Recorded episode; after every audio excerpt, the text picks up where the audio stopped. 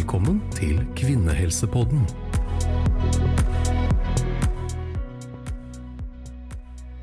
Hei, jeg heter Liv Ellingsen og er programleder for denne podkasten. Jeg har jobbet som fødselslege i mange år og brenner for å spre trygg kunnskap. Mellom 3 og 4 prosent av alle barn ligger med rumpa ned når det nærmer seg fødsel. Det fører til mye bekymring for fødselen, og noen får også høre skrekkhistorier om vanskelige setefødsler. Men det er en myte at det er en stor risiko med setefødsel i Norge. Vi har lang tradisjon for trygge setefødsler. Men for noen kan det likevel være riktig med keisersnitt. For å lære oss mer om dette har vi med oss fødselslege og forsker Lill Trine Nyflødt ved Drammen sykehus og Nasjonalt senter for kvinnehelseforskning. Lill ivrer også for knestående setefødsler. Dagens andre gjest er Merete Bjørnsrud.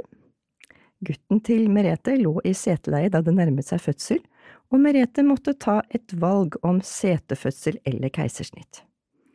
Hun deler sine tanker og bekymringer rundt valget, og også hvordan fødselen til slutt ble.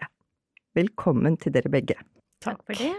Så Lill, hvor vanlig er det med seteleie og setefødsel i Norge i dag? Det er jo som du sa, så er det 3-4% som eh, ligger med rumpa ned når det nærmer seg termin. Tidligere i svangerskapet er det rundt 20% som ligger med rumpa ned, men da de fleste snur seg altså når det nærmer seg termin. Så det er vanligst tidlig i svangerskapet? Det er det. Ja, og hvorfor er det sånn, da? At noen legger seg med rumpa ned? Nei, oftest er det tilfeldig, så det er ikke noen åpenbar grunn til at de legger seg med rumpa ned, men så er det jo noen eh, som har noe høyere risiko, og det er jo det er vanligere hos førstegangsfødende uten at vi egentlig vet årsaken til det. Eh, de som har født mange barn tidligere, da snakker vi sånn fire-fem barn tidligere, de også oftere ligger annerledes i livmoren, eh, og det har nok noe med at livmoren er litt sånn slappere, sånn at det er lettere for de å drive og snu seg rundt. God plass? God plass, rett og slett. Og, at, og har man enten for mye fostervann eller for lite fostervann, er det også vanligere, med avvikende leier, som vi kaller det.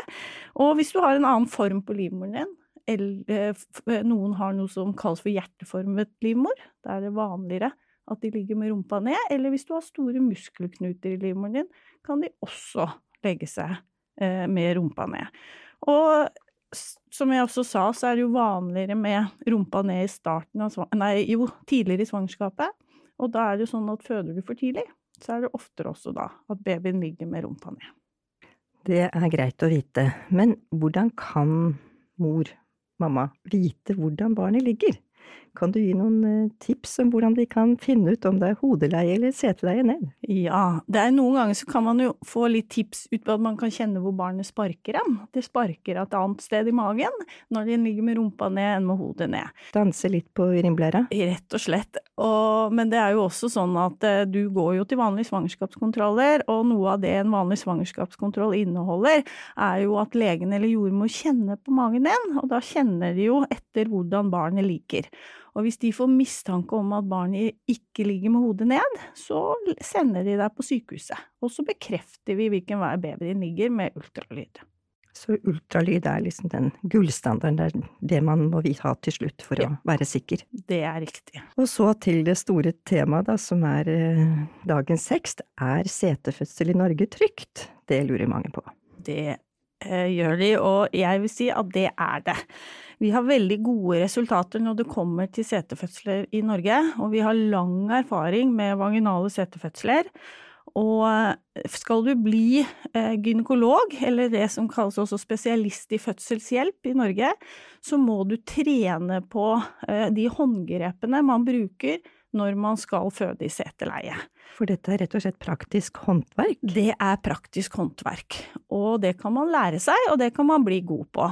Og det er også sånn at når du er ferdig utlært, altså når du har blitt spesialist i fødselshjelp, så må dette vedlikeholdes. Og derfor så er det alle de avdelingene i Norge hvor man tar imot setefødsler, så trener man jevnlig på dette eh, i avdelingen for å vedlikeholde det håndverket. Det er betryggende å høre, og da er det alltid spesialister med på setefødsel. Det stemmer, ja. I tillegg så har vi jo rammer, eller det som kalles for seleksjonskriterier, for hvem som får lov til å føde i, eller hvem vi anbefaler da, å føde i seteleie. Eh, og det er jo blant annet det at barnet ikke skal være for stort, og det skal ikke være for lite. Og du skal ikke være for prematurt, altså være for tidlig i svangerskapet. Og barnet skal ligge eh, med rumpa ned med oppslåtte ben, enten med bena oppe ved hodet eller med bøyde knær, sånn at eh, bena ja, ligger ned, da, men det er setet sammen med bena som liksom ligger nederst. Så det er rett og slett litt strengt, kan du si, og det er jo også betryggende, da. Så det blir på en måte plukket ut en gruppe hvor det er trygt å føde i seteleiene, det er jo veldig betryggende. Det stemmer. Eh, og, eh, men når det er sagt, så er det nok en lett økt risiko eh, ved setefødsel i forhold til en hodefødsel, men denne risikoen er veldig, veldig lav her i Norge. Og det er jo heller ikke helt risikofritt med keisersnitt. Det er sånn at alle friske gravide med et normalt stort barn til termin kan helt fint føde i seteleie vaginalt i Norge. Og så må vi også huske på at Norge er kanskje det tryggeste landet i verden å føde et barn i. Det viser på en måte all forskning, og når man sammenligner Norge med andre land, at det er ingen som har så gode resultater som Norge. Og eh, Norge er også da samtidig blant de rike landene i verden som forløser flest barn i seteleie vaginalt. Og det skal vi være klar over, at i mange andre land så ser de til Norge og misunner oss litt, nesten, for at vi har denne muligheten for at man kan føde i seteleie. Men så er det noen som har hørt om ytre vending. Hva går det ut på? Det går jo ut på at man forsøker å snu barna fra et seteleie og over til et hodeleie. Eh, og det er noe vi i noen tilfeller gjør, og det er jo spesielt der hvor mor ikke ønsker å føde vaginalt i seteleie, så prøver vi å snu de for å unngå at hun trenger å gjøre et keisersnitt. Eh, og det forutsetter jo da at det er mulig å, å, å snu babyen, da, at setet ikke har satt seg fast nede i bekkenet, sånn at vi ikke greier å løfte opp setet og snu babyen rundt. festet seg, som vi sier. Ja, festet seg, som vi sier. Mm. Ofte for sent. Ja. Og i noen tilfeller så er det jo også sånn at eh, mor kanskje vil føde på det vi kaller for en lavrisikoenhet, da. Og da det kan hun jo ikke med setefødsel, og da prøver vi av og til å snu, sånn at vi kan etterkomme ønsket om at hun kan føde på den lavrisikoenheten som kanskje er det nærmeste sykehuset for henne. Og så er det jo noen som ønsker å snu, for det er jo sånn at en hodefødsel gir lavere risiko for keisersnitt akutt enn en, en setefødsel. Sånn at derfor så er jo det også et tilbud dersom mor ønsker det.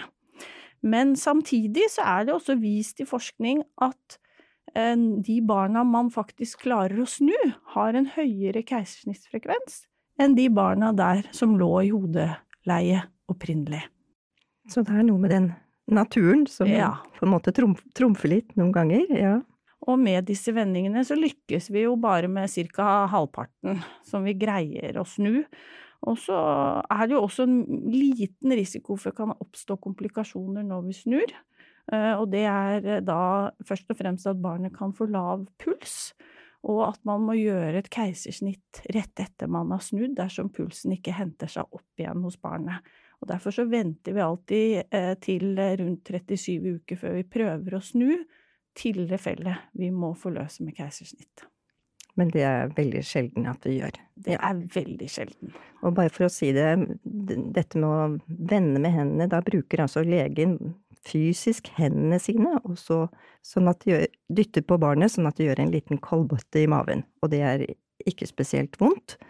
Og det gjøres under overvåking og trygt på norske sykehus. Ja, og de fleste steder får man også litt sånn rihemmende medisin, sånn at ikke man det at man dytter sånn på magen skal utløse eh, fødselsrier. Og så er det jo noen vi ikke anbefaler å snu, og det er jo der hvor man har veldig lite fostervann, eller hvor vannet allerede har gått, eller hvor det er sykdom hos mor eller barn som gjør at vi anbefaler keisersnitt. Da vil vi jo ikke prøve å snu barnet, og det kan jo være ved alvorlig veksthemmede barn, for eksempel, som vi tror ikke vil tåle en fødsel, eller hvis mor har en alvorlig svangerskapsforgiftning eller en annen grunn til at hun bør forløses med litt raskt keisersnitt, da. Og så snur vi ikke hvis det er tvillinger. Kan mor velge selv hvilken måte hun vil at barnet skal komme ut på? Ja, i Norge så kan hun i praksis det velge om hun vil ha et planlagt keisersnitt, eller om hun vil ha en setefødsel. Og mye av grunnen til det er at en setefødsel krever at mor samarbeider under fødsel, og at det da er veldig vanskelig å tvinge noen til å føde vaginalt dersom de ikke ønsker det. Men vi vil jo at dette valget skal være best mulig informert. Det er riktig, og derfor så er det viktig at man forut for at man tar dette valget, får veldig god informasjon om fordeler og ulemper ved å føde vaginalt, og fordeler og ulemper med å forløses med keisersnitt. Og hvorfor anbefales ikke alle keisersnitt? Det måtte jo være veldig enkelt å gjøre det. Ja, det skulle man jo tro, men så er det jo da dessverre sånn at keisersnitt også medfører en del ulemper, både faktisk for mor og barn, og både i det aktuelle svangerskapet, men også i eventuelle senere svangerskap som mor skal inn i. Og i dette svangerskapet så er det sånn at barnet faktisk har godt av å ha rier. Og det riene og de hormonene som eh, måtte frigjøres da, når man har rier, de gjør at eh, lungene til barnet modnes, immunsystemet til barnet modnes, og tarmsystemet til barnet modnes. Og barnet har også veldig godt av å bli eksponert for de bakteriene som er i fødselskanalen. Og eh, det man ser i forskningen, er at når du er forløst med planlagt keisersnitt, så har du større risiko for å få astma, for å få allergi, for å få sukkersyke, og, og bli overvektig, faktisk, og for en del autoimmune sykdommer senere i livet, sammenlignet med om du har blitt født med hodet. Nei, blitt født vaginalt, mener jeg. Mm. Her er det faktisk en gevinst, da, av ja. føde i seteleie. Og det er jo også økt fare, dette med neste svangerskap, så vet man jo at eh, det at man har hatt et keisersnitt i et tidligere svangerskap, gjør at du har større sjanse for å måtte ha et keisersnitt igjen neste svangerskap. Og så har man med seg alle de risikofaktorene som følger med å ha et arr i livmoren sin. Og det kan være at når du får rier ved neste fødsel, så har du faktisk en lett økt risiko for at livmoren kan revne der du har arr. Og du har også en økt risiko for at morkaken kan feste seg og vokse inn i livmorveggen der hvor keisersnittsarret er. Og den risikoen er faktisk høyere ved planlagte keisersnitt enn ved et akutt keisersnitt. Så her skal man tenke litt lenger enn til akkurat den ene beslutningen. Ja. Men det er jo noen som blir anbefalt keisersnitt, da. Og det er jo, øh, og det er jo da, som vi sa tidligere, at det er jo barn som er for store, eller barn som er for små, eller de som ikke ligger helt riktig, eller hvis mor eller barn tenker at de ikke tåler å gjennomgå en fødsel. Så er det noen som har øh, fått anbefalt å ta røntgenbilde av bekkenet før en setefødsel, for å se om bekkenet er smalt eller bredt. Kan du si noe om det? Ja, det er ikke lenger anbefalt i Norge å ta disse bildene forut for en setefødsel. Selv om det nok gjøres flere steder ennå, så er det ikke anbefalt å gjøre det. Og det henger sammen med at dette er ikke en nøyaktig undersøkelse, og at forskningen viser at det ikke har noe for seg å ta disse bildene forut for eh, valget om man skal føde vaginalt eller ha keisersnitt. Og vi bruker jo da heller i dag framgang i fødsel eh, som et tegn på at fosteret er passe stort for mor. Og så er det også noen avdelinger som faktisk bruker denne metoden, selv om det ikke er anbefalt, så noen kan risikere å bli anbefalt et røntgenbilde fremdeles. Vi anbefaler altså friske kvinner å føde vaginalt. Kan du si noe om de norske tallene? Hvor mange er det egentlig som ender opp med å føde i seteleie i Norge, og hvor mange får keisersnitt? Det er ca. halvparten av de som har barn i seteleie eh, til termin, som eh, har et planlagt keisersnitt, og halvparten eh, som forsøker seg på vaginal fødsel. Og så er det mange som lurer på hvor mange av de som begynner å føde i seteleie, ender opp med keisersnitt, det er jo noe mange tenker på når de skal beslutte kan det likevel ende opp med akutt keisersnitt, er det bortkasta det jeg gjør? Ja, der er det Tall fra Norge sier at ca. to til tre av ti, altså en 20–30 prosent, ender opp med et akutt keisersnitt dersom de prøver seg på en vaginal fødsel. Og i Drammen sykehus så gjorde vi en omlegging av vår praksis når det gjaldt setefødsler for to–tre år siden. Og det var fordi at hos oss så var det så mange som seks av ti som valgte eller ble anbefalt planlagt keisersnitt når setet lå ned. Og det tenkte vi at det er for mange, så det må vi prøve å se om vi kan gjøre noe med. Og da gjorde vi to hovedting, og det ene var at vi informerte mor bedre. Vi tenkte at her er det at vi er nok for dårlige til å informere godt i, for, i, i, forkant av det viktige valget mor skal ta. Og det andre var at vi startet startet med noe som kalles for en firfot setefødsel, eller en knestående setefødsel, hvor mor står på knærne istedenfor å ligge på rygg eh, når hun trykker ut eh, babyen. Og det vi så, er at etter etter denne omleggingen, altså de siste tallene våre nå, altså før vi la om som sagt, så var det seks av ti som endte opp med planlagt keisersnitt, mens nå er det tre av ti som velger eller blir anbefalt planlagt keisersnitt. Det var fine tall. Og dere har også sett at det går fint med barna? Ja, det gjør det. Det går veldig fint med barna, men, eh, og det jeg ville si er at eh, vi har faktisk ikke noe nedgang i antallet som ender opp med akutt keisersnitt. Det er fremdeles to av ti som ender opp med akutt keisersnitt hos oss. Eh, så, men det er jo mange flere da, som nå prøver seg på en vaginal fødsel enn det var tidligere. Og så er det her også forskjell på om du er førstegangsfødende eller flergangsfødende. Vi ser i vårt materiale er at eh, blant de førstegangsfødende så er det seks av ti som føder vaginalt. Altså her er keisersnittfrekvensen da på 40% mens blant flergangsfødende så er det ni av ti. Altså det er 90% som ender opp med å klare å føde sete vaginalt. Så som ellers i fødselshjelpen så er det en stor fordel å ha født før. Det er det. Ja. Så hvis vi da går til fødestua, Lill, mm. hvordan foregår egentlig en setefødsel? For eksempel eh, bedøvelse, hvordan er det med det for alle epidural? En av anbefalingene er at det skal tilbys epidural til de som føder i seteleie. I Drammen så er det sånn at du kan velge, akkurat som ved en hodefødsel, så får mor lov til å velge om hun vil ha epidural eller ikke. Den, men denne anbefalingen går ikke på at det er noe vondere å føde i seteleie i seg selv, men det er jo noe med at det er noe vanligere å, å trenge å bruke noen håndgrep som kan være ubehagelig for mor, og oftere ender jo også fødselen med et akutt keisersnitt. Så mange får epidural, kan vi vel si da. Ja. Og så er det litt flere mennesker til stede på en setefødsel.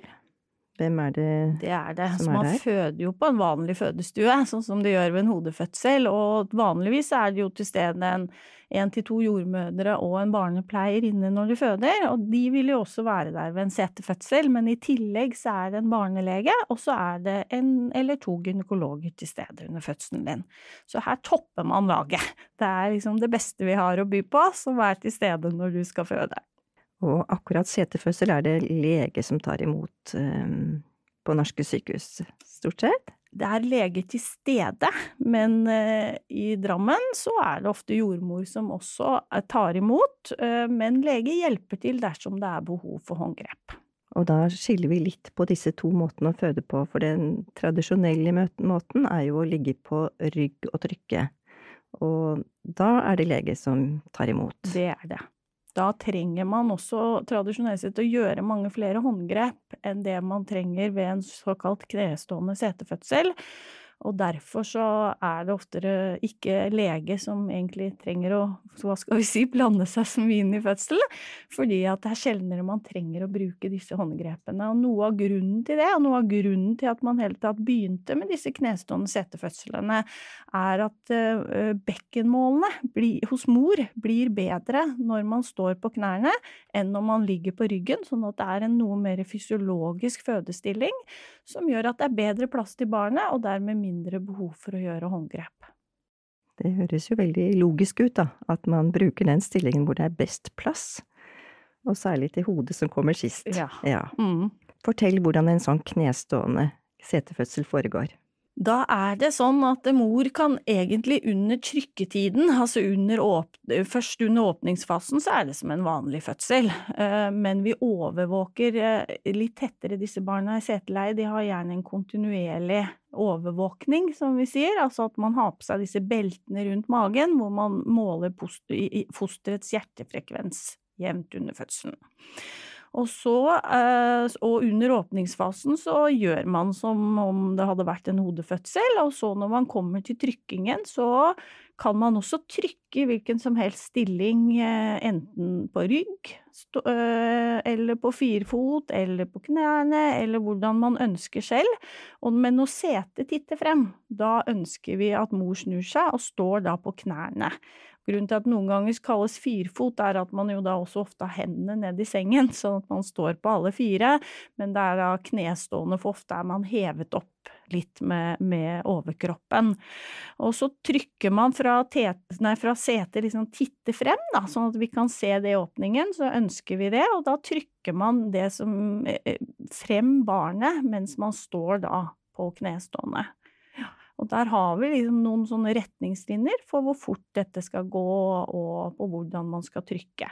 Men det er noen førstegangsfødende som har problemer med å trykke, eller har noe større problemer enn flergangsfødende med å trykke eh, når de står på knærne. Derfor så får de lov til å trykke hvordan de vil frem til setet titter fram.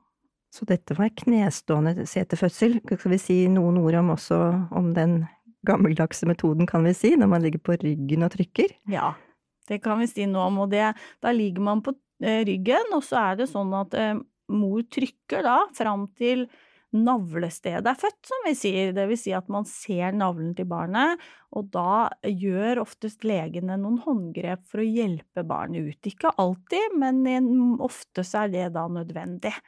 Og dreier barnet ut. Dreier barnet ut, rett og slett, og så løfter man barnet ut i en sånn bue til slutt for å få ut hodet. Og da hender det, på, hender det, at man må legge på en tang for å beskytte eh, hodet, og for å løfte hodet ut til slutt. Det stemmer. Ja. Og hvis det skulle inntreffe når man står på knærne, så må man da snu seg rundt på ryggen. Eh, hvis man skulle være nødvendig å legge på en sånn tang på slutten. For hvilke problemer er det egentlig med seterfødsel? Hva er det som er spesielt, som gjør at vi snakker så spesielt mye om det? Er jo det at man ikke har de samme mulighetene også som ved en eh, hodefødsel med å bruke sugekopp og tang på hodet til barnet. Det er jo noen ganger hvis du har langsom fremgang i trykketiden at vi hjelper til med en sugekopp på barnets hode. Det har vi ikke muligheten til ved, ved et seteleie. Eh, og så er det jo det også at hodet kommer jo da til slutt, og noen ganger så må det da hjelpes ut med en sånn fødselstang som vi legger rundt hodet for å kunne forløse det mest mulig skånsomt. Så til slutt, har setefødsel noe å si for barna etter fødselen? Eh, det som jo vi ser noen ganger ved en setefødsel, er at barna kan være noe mer slappe når de kommer ut, og at de trenger litt stimulering, og så trenger de kanskje litt lett pustehjelp. Og derfor så er det en barnelege til stede under fødselen. Eh, og derfor foregår jo også disse fødslene hovedsakelig på avdelinger hvor det er barnelege til stede, altså det som da kalles kvinneklinikker, og som jo også er de største fødeavdelingene i landet. Men dette viser seg at selv om barnet er slapt rett etter fødsel og skulle trenge denne hjelpen, så viser langtidsstudier at dette har ikke noe å si for barnets helse senere i livet. Og så er det jo også noen mange som er bekymra for det at de blir født i sete, vil det si at det skjer noe med hoftene til babyen?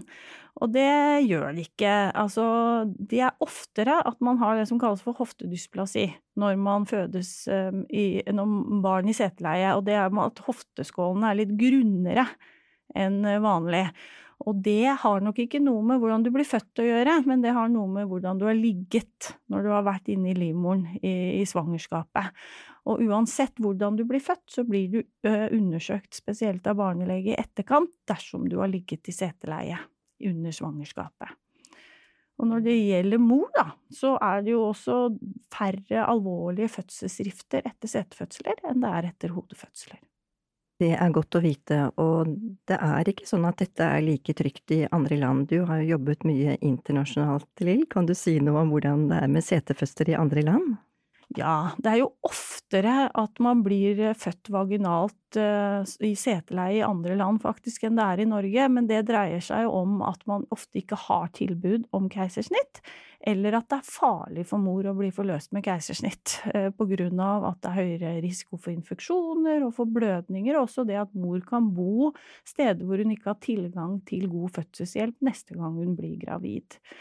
Og det at det er farligere å føde i seteleie i andre land, dreier seg jo veldig mye om at ikke de har den tilgangen på god fødselshjelp da, som vi har her i landet. De mangler jo alt som er essensielt. De mangler leger, de mangler jordmødre, de mangler sykehus og alt det som vi har her, og som gjør at setefødsler i Norge er trygt.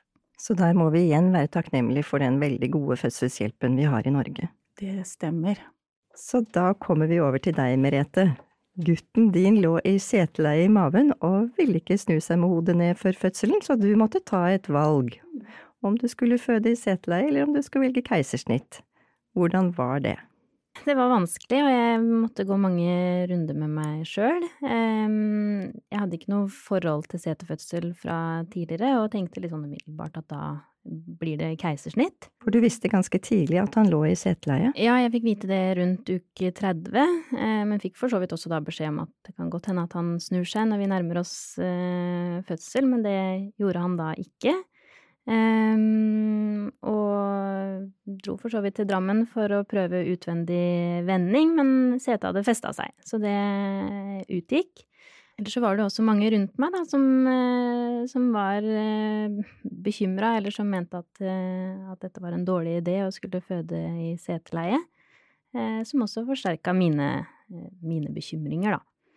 Heldigvis så ble jeg tilbudt samtale med jordmor Anne på Drammen sykehus, og ble vel egentlig ganske raskt trygga og, og beroliga på at en setefødsel også kunne gå veldig bra.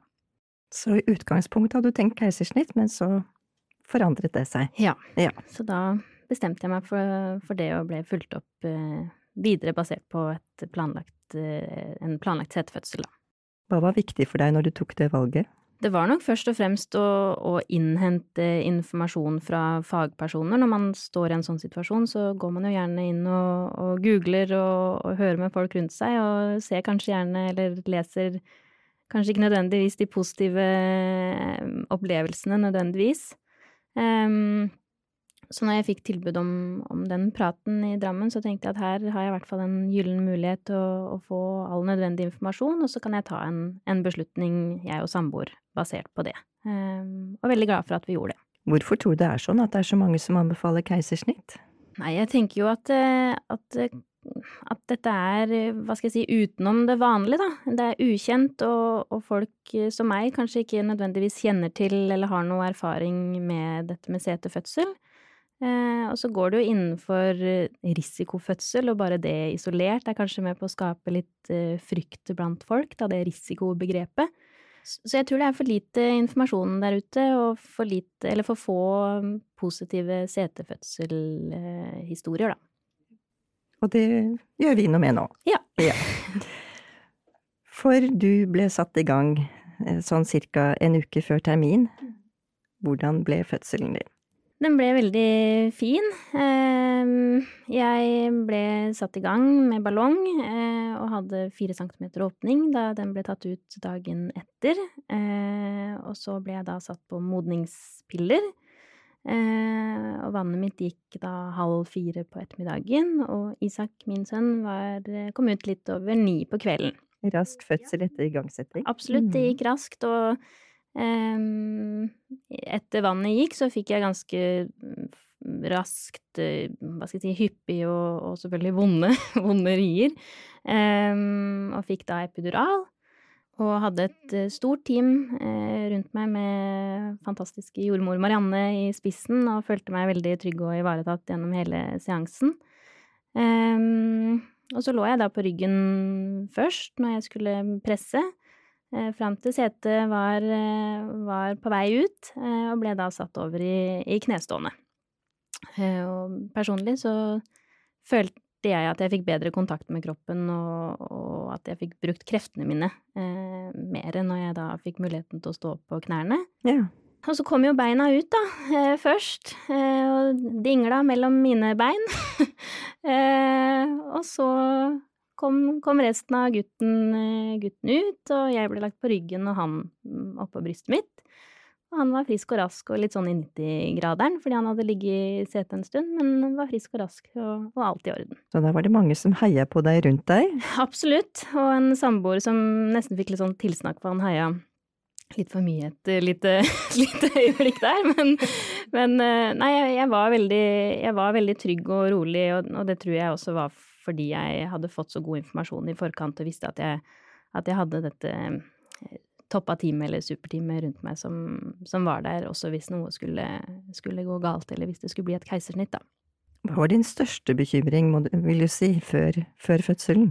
Nei, det, selvfølgelig, altså først og fremst så er man jo redd for barnet. Man ønsker ikke å ta noe risiko. Når det gjelder babyen og dens velvære, ville det være noe større risiko ved, ved en setefødsel versus et planlagt keisersnitt.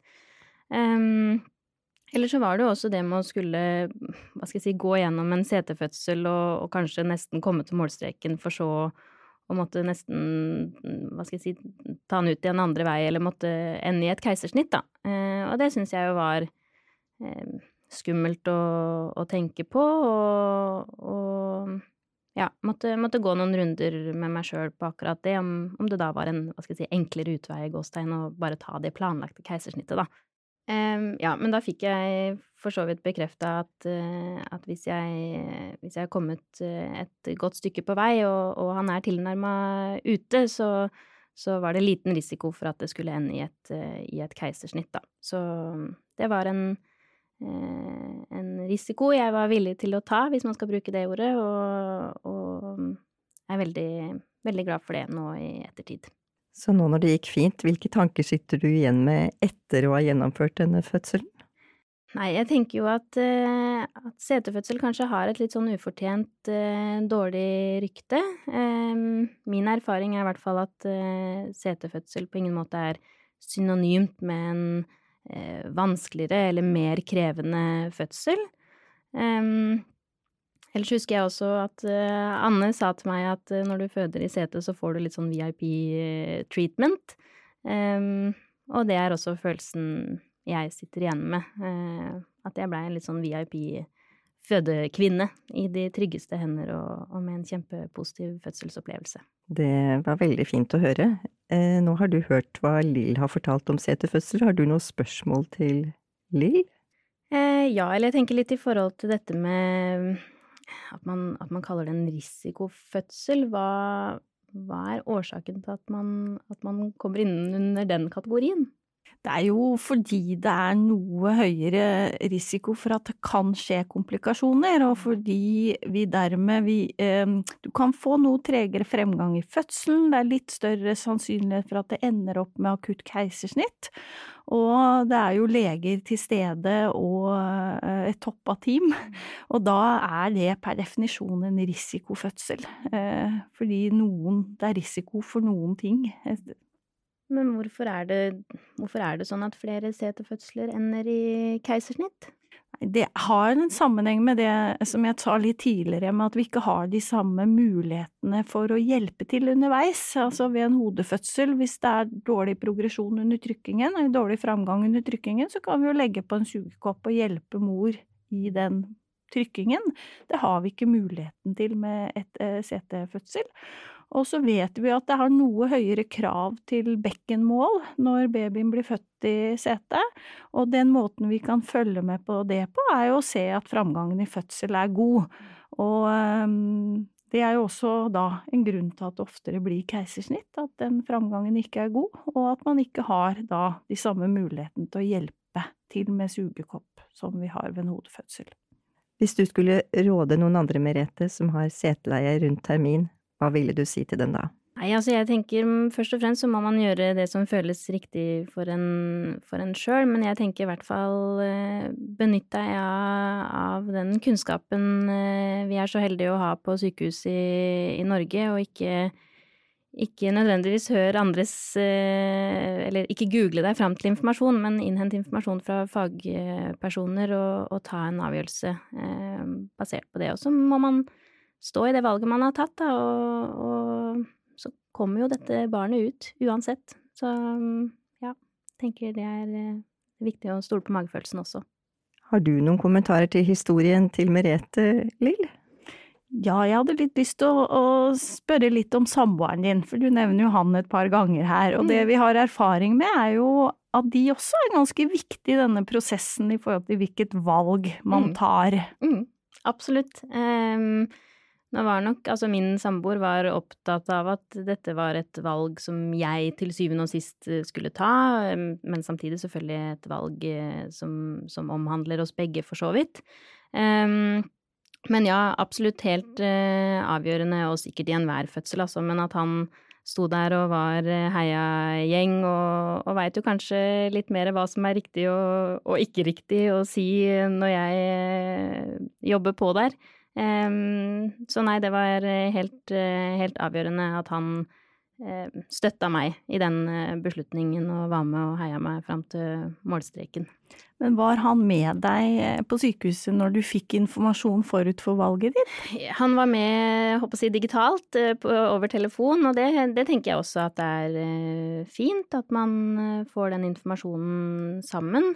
Ehm, så ja, det, det vil jeg også anbefale par der ute. Um, å, å få den informasjonen sammen, så man har samme utgangspunkt for å ta en beslutning. Så til kvinner der ute som har barn i seteleie ved termin, har du noen siste ord, Lill? Ja, det jeg syns er viktigst, og som jo kommer veldig godt frem her også i Merete sin historie, er jo at man må innhente informasjon fra fagfolk, sånn at man vet på en måte risikoene og fordelene ved både vaginalfødsel og ved keisersnitt. Og så er det jo veldig viktig igjen si det, at hvis du er en frisk kvinne med et passe stort barn til termin, så er det trygt å føde i seteleie vaginalt i Norge. Det var gode ord til slutt, så tusen takk til deg, Merete, for at du delte den fine fødselen din, og at du turte å stole på deg selv og gå din egen vei. Takk for det. Og tusen takk til deg, Lill, for at du har loset oss trygt gjennom og lært oss så mye mer om seteleie. Så takk for i dag.